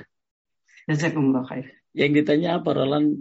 Kang ya. Tati apa yang ditanya ya. maksudnya? Maksud saya yang Kalau toh itu toyol itu ada, betul memang ada, karena itu setan atau jin, kenapa anda uh, mengambil toyol yang suruh ngambil ke kaspoin gitu ya, loh. Itu mungkin itu nanya sama yang nyuruh toyol kan. Enggak, maksud saya zaman sekarang ini ini ada di barat ini orang yang mau kaya Maksudnya cepat menyamakan itu invest di, B, eh, di Bitcoin misalnya okay. uh, terus invest di stock and share Loh, kalau menerangkan anak menurut menurut tauhid, bagaimana sebetulnya investment yang macam begini kan tidak jauh dengan investment zaman zaman dulu atau orang kampung sekarang di kampung saya dengan adanya setan, begitu adanya tuyul itu tadi, begitu loh Ustaz Agus maksud saya. Oh, iya, maksudnya perbandingan gitu ya. Iya, dan bagaimana untuk menangani, untuk menasihati ini kembali ke tauhid begitu. Hmm. Kalau orang dalam dalam sekarang ini anak muda-muda yang kena penyakit mau kayak kayak cepat ini menyembah uang dari yang haram Taib. dan Taib. Uh, begitu begitu gimana? Ya. Jadi intinya mah ya tuyul itu ya nggak tahu ya tapi emang ada gunung kawi di mana orang nungguin daun jatuh, buah jatuh ya. Nanti bisa begini, bisa begitu. Nah, ini termasuk kesyirikan ya. Ada syarat-syarat tertentu dan lain sebagainya maka umat Islam jangan melakukan itu. Dan Gunung Kawi hanya salah satu contoh. Banyak contoh-contoh yang lain, bahkan lebih parah. Sampai harus berzinah dulu, Kang. Sampai harus berzinah dulu, sampai tujuh kali bulan purnama berzinah, baru nanti dapat ini, dapat itu, dan lain sebagainya. Ini adalah tipu daya setan tentunya, supaya orang cepat kaya mendadak. Makanya, ya Eh, dalam Islam ini ada dikenal namanya proses ya bahwa orang untuk menjadi seorang yang kaya raya atau pinter cerdas semuanya pakai proses. Al ilmu bita'allum ilmu dengan belajar. Nggak ada ilmu laduni. Orang bisa langsung pinter. Termasuk dalam masalah usaha juga. Semua adalah pakai prosesnya. Salah satu cara proses kaya banyak ya. Dan tentunya rizki ini bukan hanya sekedar uang. Rizki ini ya punya anak yang soleh, soleha dan lain sebagainya banyak. Ya, nah salah satu makanya ada kunci-kunci rizki dalam Islam. Ya, kunci-kunci rizki ini justru dari dimulai dari tauhid dulu. Ya, kunci-kunci rizki ini ada dari dari tauhid. Jadi kunci-kunci rizki ini di antaranya istighfar, Kunci rizki ini di antaranya tawakal. Rizki-rizki ini di antaranya rajin sedekah dan lain sebagainya. Nah, kunci-kunci rizki ini sekarang orang banyak menganggap ah itu kan bukan usaha, bukan kerja. Padahal ini bagian daripada ikhtiar, ikhtiar kita dalam mencari rezeki. Intinya rezeki yang harus dicari harus halal. Kemudian dalam prosesnya kita bisa dengan cara jangan cara melakukan kunci-kunci rezeki tadi. Kurang lebih ada 10 atau 12 kunci-kunci rezeki di antaranya sedekah dan lain-lain. Nah, masalah uh, masalah pengen cepat kaya ini memang penyakit dari bukan fitnah terbesar umat Nabi Muhammad adalah dinar dan dirham. Ya, fitnah ya bukan hanya fitnah wanita, bukan hanya fitnah dajjal, bahkan fitnah adalah fitnah harta. Harta ini adalah fitnah. Makanya uh, disuruh kita untuk belajar muamalah yang benar. Makanya bagus nanti kalau pengen tanya muamalah bagaimana, bagaimana. Mungkin nama Ustadz Aminur Bait sekali ya beliau pandai dalam masalah muamalah. Saya nggak kurang pandai dalam masalah muamalah Bu Tati. Tapi intinya memang fitnah. Sekarang banyak orang pengen cepat, ya pengen cepat. Pengen cepat kaya, pengen cepat sukses, akhirnya melakukan hal-hal yang salah, melakukan hal-hal yang dilarang oleh syariat. Makanya al-ajalatu minasyaitan yang namanya tergesa-gesa bagian daripada daripada kerjaan setan. Makanya Islam ada yang namanya proses, ya, ada yang namanya usaha dan tentunya uh, apa dan dengan tetap uh, melakukan kunci-kunci rezeki yang memang sudah di, di, dibolehkan. Jadi mungkin istilah cepat pengen cepat kaya ini memang bukan bukan masalah sekarang, zaman dulu juga ya sampai-sampai korun yang begitu kaya di, di, diiriin sama orang-orang yang gak berilmu. Ya, jadi orang-orang yang gak berilmu itu menganggap korun itu beruntung gitu loh. Ya, tapi orang yang berilmu malah menganggap korun ini adalah uh, orang yang celaka. Jadi penyakit, uh, makanya ada ada ada ada orang ada ada empat ya kang, eh, ada ada ada ada ada satu ada Firaun, ya ada Korun, ya. Ada lagi Haman. Haman ini bendaharanya si Fir'aun nih. Ya, kemudian ada lagi Ubay bin Khalaf. Nah, inilah Ubay bin Khalaf ini adalah orang yang terlena dengan dagangannya. Orang yang terlena dengan bisnisnya.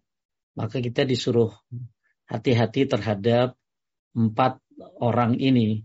Ya, makanya jangan sampai dikumpulkan dengan empat orang ini. Fir'aun, Haman, Korun dan Ubay bin Khalaf.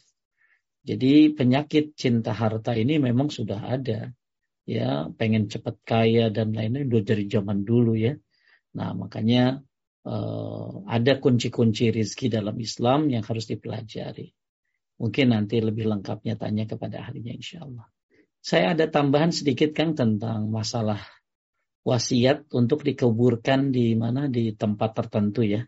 Di tempat tertentu ada pertanyaan yang sama kepada Syekh bin Salih Lusaimin. Uh, bagaimana pendapat uh, Syekh tentang orang yang berwasiat jika nanti mati akan dikuburkan di tempat si fulan, apakah harus dilaksanakan? Maka jawaban beliau pertama, kata jawaban beliau buat yang nanya ya, ia harus ditanya mengapa milih tempat yang di sana. Ya, jadi tanya dulu nanti kalau mati tolong mami dikuburin di sana. Tanya dulu kenapa. Ya, boleh jadi kata beliau ia memilih di sisi kuburan yang didustakan atau di sisi kuburan tempat mempersekutukan Allah dengannya atau sebab lain yang diharamkan.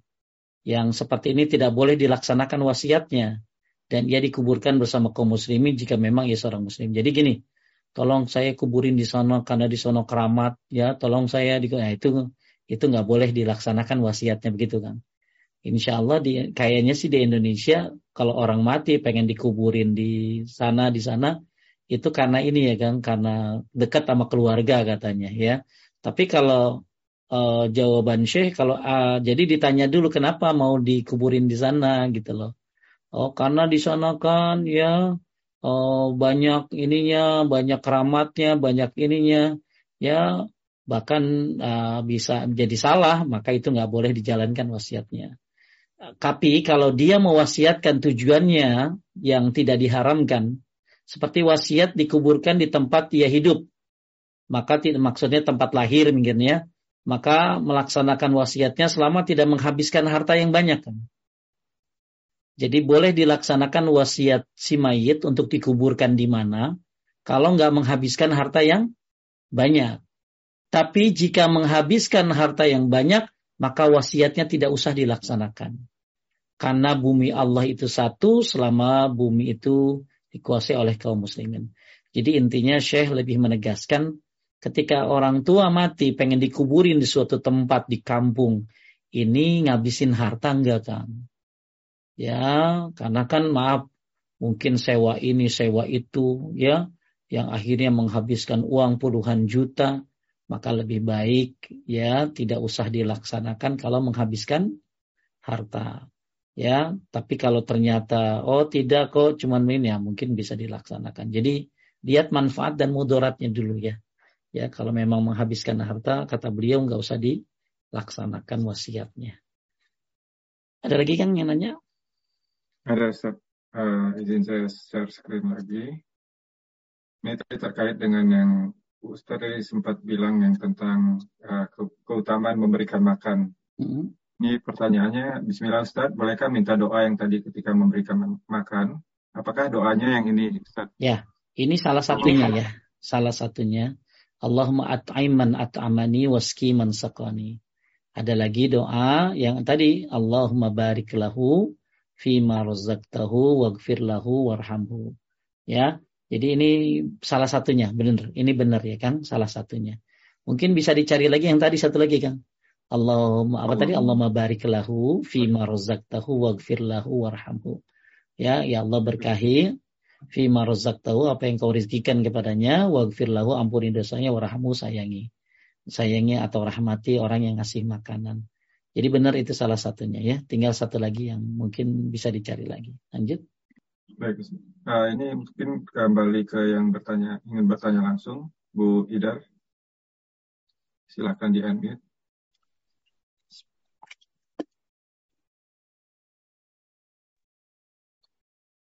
Oh, nggak bisa. Halo? Iya, Assalamualaikum. Assalamualaikum. Waalaikumsalam warahmatullahi wabarakatuh. Uh, izin bertanya masih da, dengan uh, masalah tempat dikubur Ustadz. Taib. Uh, di sini uh, ada yang namanya mutual gitu. Uh, itu kita bayar misalnya setiap tahun dan di, kita bisa memilih antara dikubur di negara tempat uh, kita tinggal atau dikirim ke negara asal tempat kelahiran kita. Uh, kalau dikirim ke tempat ke tempat negara asal itu akan makan waktu lebih lama. Hmm. Tetapi kalau dikubur di di sini misalnya di Prancis itu uh, ada kontrak kontrak tanah kuburannya itu 15 tahun yang dikasih. Jadi ada kemungkinan sesudah 15 tahun akan ditiban. Uh, akan dibongkar dan di, uh, dimasukkan ke dalam penguburan yang bersama begitu. Mm-hmm. Jadi yang ingin saya tanyakan mana yang lebih baik uh, dikubur di tempat tinggal saya, misalnya di Prancis, kalau saya meninggal di sini uh, dengan dengan resiko nanti sesudah 15 tahun misalnya akan dibongkar atau di, dikirim ke Indonesia. Bagaimana itu Ustaz? Terima kasih. Taib sebenarnya untuk kontrak begitu juga di Indonesia ada setahu saya Ibu ya. Di Indonesia juga kalau ada iurannya juga ya. Mungkin nilainya nggak kayak di Prancis ya. Di Indonesia juga ada uh, biaya serta penguburan itu ada. Termasuk uh, perawatan ada ya setahu saya. Bahkan kalau udah ramah nggak bayar iuran bisa nggak usah nunggu 15 tahun ya. Mungkin bisa kalau udah ngelam bayar iuran mungkin bisa ditempatin sama orang. Jadi intinya begini ya. Kuburan itu kan hanya sebuah tanda. Tanda di mana kita dimakamkan. Ya, uh, tapi memang di, dibolehkan kita untuk uh, apa? Uh, bukan dibolehkan dalam arti kata kita kuburan ini bukan berarti uh, kalau dia hilang kuburannya berarti dia nggak ada amalnya gitu loh. Jadi kuburan ini hanya sebuah tempat di mana memang tempat yang ada adab-adabnya untuk penguburannya. Jadi ketika seseorang meninggal dunia, satu kuburannya nggak boleh diduakan, Kang. Kalau mampu ya, Kang ya. Jadi nggak boleh misalnya ini kuburan bekas Pak nih? Bekas bekas orang ditiban gitu, Kang.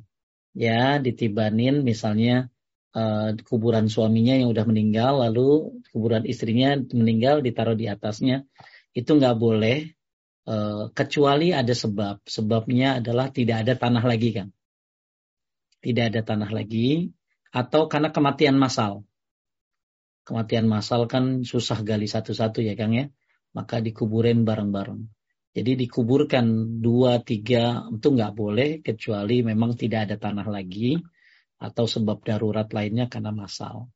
Nah, ketika kita misalnya ya, ya misalnya Kang Roland lah ya, meninggal dunia misalnya, ya nggak apa-apa ya Bu Febi ya contoh doang gitu ya, misalnya. Kemudian dia meninggal Kang Roland, kemudian bayar iuran, kemudian tiba-tiba kontrak 15 tahun lah, tiba-tiba akhirnya ditibanin nama orang karena sebab perjanjian itu kan ya. Berarti kan udah ada syarat perjanjian tuh sama kayak tadi ada sebab. Sebabnya adalah tidak ada tanah lagi atau ada kontrak dan lain-lain. Maka itu nggak jadi masalah. Ya nggak jadi masalah. Dan amalnya nggak akan beda. Malaikat juga nggak akan ketukar ya Bu Idar ya. Nggak akan ketukar. Tapi kalau Bu Idar nanya sama saya, lebih bagus di mana? Lebih bagus di di di negeri di mana dia meninggal. Ya, oh, gitu. di ya. tempat yang dekat. Nabi kan lahir di Mekah ya Bu Idar ya. Nabi lahir uh -huh. di mhm. Mekah tapi dikuburin di mana? Di Madinah. Madinah. Uh -uh, ya. Jadi, nah kemarin contoh misalnya Bu Idar, ada yang meninggal dari luar negeri nih ya, di daerah saya ya. Terus dia di luar negeri, di negara mana gitu ya. Kemudian akhirnya uh, kita nih udah nungguin katanya mau datang subuh. Ya mau datang subuh, tapi nggak datang-datang. Ada cerita katanya di bandara nggak bisa keluar ya mungkin nggak bisa bukan nggak bisa keluar sendiri mungkin harus ada persyaratan covid dan lain sebagainya jadi tambah lama bu Ida ya tambah lama. Dan nggak ada hubungannya antara negeri dia anda dikuburin di Perancis mau dikuburin di mana itu semua tergantung amalnya. Ya makanya misalnya ada orang dikuburin atau dia nggak dikuburin tapi dimakan ikan hiu misalnya maka amal yang akan naik bukan jasa. Jadi ketika kita dikuburkan dengan fasilitas mewah apa pun nggak akan berpengaruh dengan yang dengan badan ini yang berpengaruh adalah amal amalnya. Makanya kalau ditanya bagusan mana dikuburin di Perancis apa di Indonesia? Di Perancis saja ya yang dekat dengan tempat meninggalnya. Kemudian uh, kemudian tiba-tiba 15 tahun ditibanin nggak masalah. Karena Bu Idar juga sudah jadi tulang belulang kan udah 15 tahun mah. Ya, dan yang naik adalah bukan jasad kita, tapi ruh kita, amal ya, kita uh, itu. Ya, uh, maaf. Lebih. Tulang belulang itu nanti akan di disamakan dengan tulang belulang mungkin orang kafir gitu Ustaz. Enggak masalah. Ya, oh itu enggak enggak ada kuburan pisah ya? Enggak, kalau waktu dikuburkan itu pisah, tapi kemudian sesudah sesudah kontraknya habis begitu kalau nggak ada keluarga Enggak, itu kan kuburan orang muslim kan di sini uh, ada apa istilahnya uh, petak-petak begitu petak Enggak, maksud petak saya orang digabung antara kafir sama muslim petak-petak aja petak jadi nggak ada gini ini buat orang muslim ini buat orang non muslim nggak ada ada ini peta orang muslim, ini peta tapi pembatasnya itu ya mungkin cuma dua meter. Jalan gitu. ya, jalan, nggak apa-apa. Ya, ya, Berarti nggak ya. bakalan ditaruhin nama orang non muslim dong kan? Itu petakan orang muslim. Ya, tapi kalau nanti sudah di dibongkar itu yang saya kurang tahu Ustaz. Ya, intinya uh, nggak masalah Bu, insya Allah ya. Nggak masalah walaupun nanti diituin nama orang kafir, amal nggak bakalan ketuker ya amal nggak bakalan ketukar. Yang nggak boleh ketika mungkin uh, jadi memakai kuburan itu ada ini ya bu ada aturannya ya ada aturannya ya. jangan jangan apa biasanya dipisah sama jalan ya bu ya sama jalan iya ya kira nah, nah berarti nanti bekas ibu akan dipakai buat orang muslim juga dong gitu ya. ya bekasnya ya. Gak apa-apa kalau apalagi bekasnya buat orang Muslim gitu ya. Itu yang Tapi saya saya berdoa meninggal di Indonesia. Tolong ya. Malah kalau saya lebih bagus ibu meninggal di Madinah. Ya, atau di Madinah. Ya, doa ah, saya itu aja. Jadi doanya ya Allah matikan aku Madinah, hmm, gitu. matikan aku di Madinah itu lebih bagus, ya. Lebih bagus. Ya. Jadi kalau ya tapi kalau udah sakit-sakitan ya pulang aja ya. Ya, atau, ke, atau hijrah ke Madinah ya. Umrah ke Madinah. Umrah dulu ya. Jadi Bapak-bapak ya, Bapak Ibu ya, minta meninggal di Madinah. Oke. Makasih banyak Ustadz. Eh, kan tidak ada suara lagi. Kayaknya Ustadz uh, mute justru Ustadz terbalik ya. Oke, okay, lanjut. Oke. Okay. Ya, ya kalau harus. Mungkin nanti itu untuk yang tentang pemakaman ini kayaknya ada sesi tambahan kayaknya Ustadz ya. Insya Allah. Um, izin saya share lagi pertanyaan berikutnya Ustadz. Maaf. Share.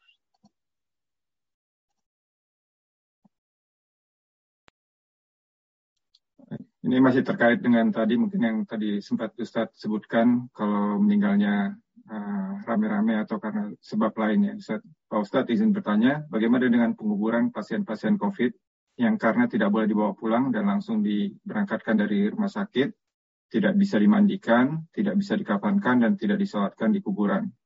Apakah sebenarnya, ada sebenarnya nggak apa-apa pertanyaannya bisa di ini kan. Sebenarnya COVID itu standarnya dimandikan ya Kang ya dimandikan. Cuman tidak pakai air tapi tayamum. Ya, pakai tayamum. Dan dibolehkan memandikan mayit dengan tayamum. Jadi setahu saya di Indonesia ini ya COVID itu tetap dimandikan tapi tidak dengan air tapi dengan tayamum dan dibolehkan memang sesuai dengan kebutuhan keadaan tayamum mandi junub eh, mandi apa mandi mandi buat jenazah itu dengan tayamum dibolehkan. Kemudian dikafankan kok ya malah bukan dikapanin lagi kang diplastikin. Diplastikin. Iya ya dikapanin ya dikapanin tetap malah diplastikin ya. Tujuannya kan uh, supaya apa supaya tidak menyebar penyakitnya. Disolatkan kok ya disolatkan di Indonesia mah disolatkan. Disolatkan nggak ada yang dis, nggak disolatin malah setahu saya pada disolatin Ya, jadi nggak tahu kalau dapat berita kayak begitu. Tapi setahu saya dimandikan, tapi dengan tayamum tetap dikafankan. Ya, tapi mungkin tidak sekafan dengan serafih ketika dia tidak kena COVID ya. Yang penting tertutup ya. Tujuannya kan ada darurat di sini. Bahkan dikasih apa? Dikasih plastik ya. Pokoknya dirapat lah ya. Di ada tempatnya. Dan bahkan disolatkan ya. Gitu lanjut. Ya, Jadi kalau misalnya mungkin... gini, misalnya nggak dimandiin, nggak dikafanin, nggak disolatin, itu yang dosa bukan mayit ya. Yang dosa itu yang yang mengurus mayat. Yang mengurus mayit. Jadi orang mayit mah nggak ada kena hubungan karena kan fardu kifayah itu. Maka yang dosa adalah yang mengurusnya. Lanjut. Baik Ustaz. Ini untuk pertanyaan berikutnya. Bismillah, izin bertanya Pak Ustaz. Apa saja yang kita lakukan uh, kayaknya sebaiknya saat ziarah baca doa apa saja Ya sebenarnya ketika kita ziarah pertama masuk ya baca doa assalamualaikum ya diyar minal mu'minin wal muslimin ya rahmukumullah mustaqdimin mustakhirin wa inna insyaallah uh, lalahikun ya. Itu itu doa uh, ada beberapa model ya ada beberapa model doanya. Anda bisa lihat di aplikasi apa doanya tentang doa-doa ketika ziarah kubur ya apa doanya di Android atau di Apple di aplikasi apa doanya ada doa-doa ketika ke kuburan. Kemudian buka sendal, ya buka sendal itu sunnah kalau tidak berbahaya. Kalau ada beling jangan buka sendal. Tapi kalau aman buka sendal sunnahnya. Kemudian Anda nggak boleh duduk di atas kuburan. Kemudian uh, berdoa boleh ya silakan buat mayit ya boleh dengan Allah magfirlahu warhamhu ya kemudian dimulai dulu dengan hamdalah dan salawat ya kemudian tidak meratap tidak uh, kemudian uh, mengingat kematian simpel saja sebenarnya ada pada kekuburan itu nggak banyak banyak ya jadi doanya bisa dilihat model-modelnya uh, untuk doa masuk ininya ya, masuk ke kuburannya di aplikasi apa doanya. Ada yang panjang, ada yang pendek ya. Kemudian kalau untuk di kuburannya silakan berdoa ya, bebas ya mendoakan mayit. Kemudian jangan lama-lama, kemudian uh, mengingat kematian itu yang utama tujuannya. Pulang deh, selesai. Nggak ada baca Quran, nggak ada baca macam-macam. Ya, hanya doa saja. Lanjut. Baik, Ustaz. Ini masih uh, ini udah hampir setengah sepuluh ya Ustaz di sana. Uh, dia sedikit lagi lah ya. Ada sih banyak ya? Uh, ada dua lagi sih Ustaz. Baik, langsung dua lagi. Oke. Pak Ustaz, karena tidak ada contoh tahlilan dari Nabi SAW, apakah boleh kita mengadakan kajian ketika ada yang meninggal?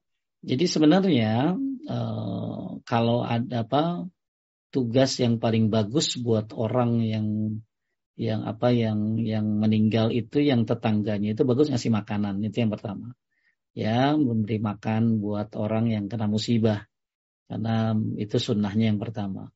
Dan makanan itu bukan buat dibagikan tapi buat yang kena musibah kan? Yang kedua takziah. Takziah ini kan apa sih e, memberikan motivasi ya? Memberikan motivasi memberikan sabar ya? Memberikan motivasi supaya kuat. Nah, maka uh, itu yang lebih bagus seperti itu ya. Nah, adapun sekarang ada orang yang memang oh uh, supaya apa di masyarakat apa supaya lebih kena ya bukan hanya sekedar mengucapkan apa mengucapkan apa memberikan motivasi tapi ada kajian. Ya ada kajian sebagaimana juga taraweh ya. Taraweh kan ada kajiannya kan ya. Kultum itu kalau Syekh Utsaimin bolehin. Ya bolehin tentang masalah kultum buat tarawih seperti itu. Nah untuk uh, kajian uh, takziah ini biasanya uh, berhubungan dengan nasihat kepada keluarga si mayit. Ya itu lebih apa? Setahu saya malah lebih kena ya. Jadi bukan hanya sekedar sabar ya bu, tapi ngasih motivasi si motivasi itu kan sama juga dengan memberikan kabar gembira kepada kepada dia. Nah ini uh, kalau merujuk kepada uh, tadi ya tentang taraweh dibolehkan kultum karena umat kaum muslimin selagi berkumpul gitu ya dibolehkan oleh muslimin. Nah uh, bagaimana untuk kajian seperti ini? Maka kajian ini apakah masuk kepada masalah uh, apa? Kan kajian ini mah uh, tidak ada baca-bacaan khusus, tidak ada ilah ruhi, ilah ruhi dan lain sebagainya, motivasi saja. Ya, menurut saya ini bagian daripada menuntut ilmu. Ya, menuntut ilmu agar si mayit sabar, ya si mayit eh si mayit ya, apa sih si yang kena musibah itu bisa lebih sabar lagi. Ya, kalau dia nggak ada ini nggak masalah ya. Cuman biasanya orang kita itu suka suka rada lebay kalau ditinggalin kan Nah, maka dengan tausiah-tausiah itu sangat bermanfaat sekali. Selama tidak ada bacaan-bacaan seperti kirim-kirim ini dan lain sebagainya, ya kayaknya kajian lebih bagus. Atau menuntut ilmu lah, ya menuntut ilmu. Terakhir? Baik Ustaz, uh, yang terakhir ini out of topic tapi terkait dengan hari ini Ustaz.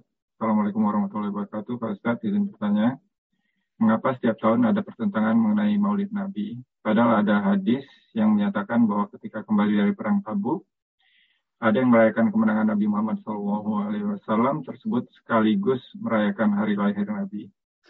Saya malah nggak tahu hadisnya. oh iya, ya. Jadi kalau ibu tahu hadisnya, tolong kasih tahu saya ya. Jadi setahu saya dia kelahir orang merayakan uh, maulid itu bukan dari dari tidak pernah dilakukan oleh para sahabat ya. Tidak pernah dilakukan oleh para sahabat Nabi. Tapi yang melakukannya ada apa? Waktu itu ada orang uh, Syiah atau apa saya lupa ya sejarahnya itu yang melakukannya. Akhirnya jadi kebiasaan gitu loh. Jadi saya malah nggak tahu ada ada waktu kembali dari perang Tabuk ada yang merayakan kemenangan Nabi Terus merayakan kemenangan Nabi uh, waktu Fatu Mekah ya Nabi sholat ya. Nabi sholat uh, apa dengan cara sholat, sholat Fatu dapat sholat yang ada yang bilang itu sholat duha ya. terus sekaligus merayakan hari lahir Nabi. Dia tunjukkan hadisnya ya. Hatu burhanakum in kuntum sadikin. Kasih tahu hadisnya coba. Ya, jadi kalau mau ngasih mungkin ngasih hadisnya ya harus jelas itu hadis riwayat siapa, nomor berapa, sohih atau tidak. Karena hadis-hadis palsu itu banyak banget pertebarannya. Sampai mengatasnamakan ini, mengatasnamakan itu. Jadi saya sendiri nggak tahu sahabat pernah merayakannya. Nggak pernah nah, para sahabat tabiin, tabiut tabiin ya merayakan maulid Nabi. Jadi kembali lagi bahwa uh, ada sejarahnya ya, tapi sejarahnya bukan para sahabat tapi orang Syiah setahu saya yang melakukannya. Ya, wallahu a'lam. Tapi uh, itu saja. Jadi kalau mau maulidan bagus ya, maulidannya dengan cara puasa hari Senin. Karena hari Senin itu hari kelahiran Nabi Muhammad Sallallahu Alaihi Wasallam. Jadi saya ngajakin ibu-ibu maulidan ya dengan cara puasa hari Senin itu. Jadi kenapa Nabi puasa hari Senin? Karena eh, karena Nabi dilahirkan hari Senin dan amal pun diangkat hari Senin, maka bagus Anda melakukan puasa hari Senin, apalagi dilakukan Senin dan Kamis. Jadi cara maulidan itu simpel ya Bu ya. Gak usah pakai konser-konser, gak usah ngeluarin duit banyak-banyak. Sampai-sampai saya lihat dananya sampai puluhan juta. Ya, ustadznya harus bayar sekian, bayar sekian. Ya, Cara maulid Nabi itu gampang dengan cara satu menja apa dengan cara puasa Senin, Senin ya puasa hari Senin dan Kamis. Dan kalau mau lebih hebat lagi, ini yang terpenting jalankan sunnah-sunnahnya. Jadi mencintai Nabi itu simple ya itu dengan cara menjalankan sunnah sunnah Nabi Shallallahu Alaihi Wasallam bukan dengan perayaan-perayaan. Ya, tapi itu saja yang bisa saya sampaikan. Mohon maaf kalau ada kesalahan, kekurangan dan lain sebagainya. Uh, mudah-mudahan uh, tambah bagus tauhidnya, tambah istiqomah tauhidnya. Ya, nah hati-hati dari sifat gulu. Mudah-mudahan dua bab ini mencukupkan kita untuk hati-hati dari sifat berlebih-lebihan terhadap orang soleh. Itu saja. Barakallahu fikum. Allahumma khtim lana min khasyatika ma tahulu bihi bainana wa baina ma'asik. Wa min ta'atika ma tuballighuna bihi jannatak min al-yakin ma tuhawina alaina masa'ib ad-dunya. Allahumma tina bi asma'ina wa absarina wa quwwatina ma hitana wa jalla warisa minna. Wa la aswajal sarana ala man darama man sunna ala man adana wa la tajal musibatana fi dunya. Wa la tajri dunya akbar hamina wa la mablagha ilmina wa man. Subhanaka Allahumma bihamdika asyhadu an la ilaha illa anta astaghfiruka wa atubu ilaik. Assalamualaikum warahmatullahi wabarakatuh. Waalaikumsalam warahmatullahi wabarakatuh. Alhamdulillahirrahmanirrahim. Jazakallah khair Ustaz atas waktu dan ilmunya. Semoga kajian kali ini bermanfaat bagi kita semua. Dan untuk menyimak kembali kajian kali ini dan kajian-kajian sebelumnya, silahkan kunjungi channel YouTube kami di channel Rumah, Rumah Dakwah UK. Dan uh, kami dari panitia, mohon maaf jika ada kekurangan kesalahan. Barakallahu fikum, wabillahi taufiq wal hidayah. Wassalamualaikum warahmatullahi wabarakatuh.